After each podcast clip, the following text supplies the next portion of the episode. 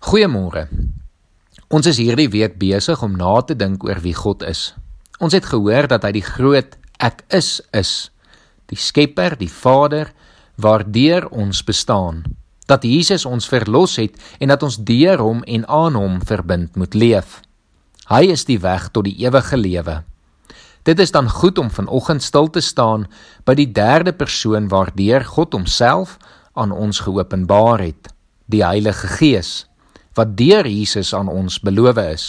In Johannes 14 vers 16 tot 20 lees ons dat Jesus sê: Ek sal die Vader vra en hy sal vir julle 'n ander voorspraak stuur om vir ewig by julle te wees, naamlik die Gees van die waarheid. Die wêreld kan hom nie ontvang nie omdat hulle hom nie sien en hom nie ken nie. Maar julle ken hom omdat hy by julle bly en in julle sal wees. Ek sal julle nie as weeskinders agterlaat nie. Ek kom weer na julle toe. Nog net 'n klein rukkie en dan sien die wêreld my nie meer nie. Maar julle sien my omdat ek lewe en julle sal lewe. Daardie dag sal julle weet dat ek in my Vader is en julle in my en ek in julle. Die Heilige Gees is egter nie eers ter sprake na Jesus se hemelvaart nie. Ons lees reeds in Genesis van die Gees van God wat oor die aarde gesweef het. So weet ons dat die Gees reeds in die begin by God was en self ook God was en dat die Gees geskep het. Ons lees dieselfde van Jesus in Johannes 1. Die Gees van God speel egter reg deur die Bybel 'n baie belangrike rol.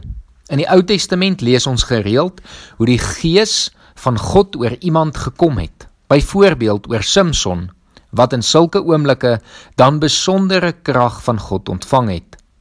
Daar kom egter 'n baie groot skuif in die Nuwe Testament wanneer ons deur Jesus vertel word dat die Heilige Gees permanent by ons sal wees en in ons sal wees.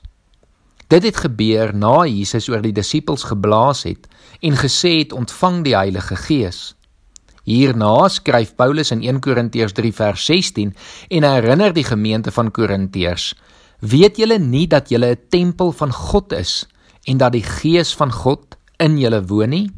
En in 1 Korintiërs 6 vers 19 skryf hy: Of weet julle nie dat julle liggaam 'n tempel is van die Heilige Gees wat in julle is nie? Jakobus sluit hierby aan in die 4de hoofstuk van sy brief wanneer hy sê: Of dink julle dat die skrif sonder rede sê dat die God, dat God die Gees wat hy in ons laat woon heeltemal vir homself wil hê. God wou van die begin van die skepping af in 'n intieme, hegte verhouding met mense leef. Ongelukkig was dit nie altyd moontlik nie as gevolg van die sondeval. Maar deur Jesus se sterwe en opstanding is dit weer moontlik en dan kies God om in ons te kom woon deur sy Gees.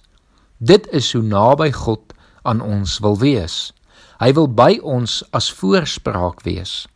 Dit is God wat ons wil lei, ons wil vorm, ons wil troos. Ons wil laat vrug dra en vir ons sy gawes wil gee en deur ons in hierdie wêreld wil werk. En dit alles doen hy deur die Gees wat in ons woon. Dit is hoe lief God ons het. Hy wil een met ons wees en in ons bly. As ons hierdie week dan die vraag vra, wie is God? Dan antwoord ons dit vandag met die volgende belydenis.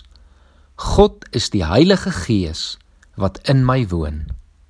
Ek hoop hierdie sin is weer eens oorweldigend goed vir jou.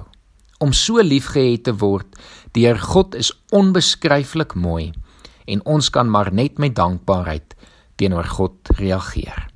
Kom ons bid saam. Here, dankie dat U vir ons so lief is. Dat U deur U Gees in ons kom woon.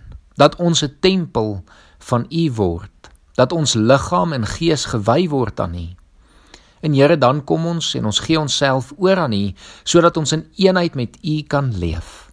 Here, mag U Gees ons lei, ons vorm. Mag U Gees ons vertroos. Mag U Gees ons die mens maak wat U wil hê ons moet wees en mag U deur dit alles verheerlik word. Mag ons met ons hele lewe op U liefde antwoord deur U Gees toe te laat om ons lewe te beheer. Ons bid dit in Jesus se naam alleen. Amen.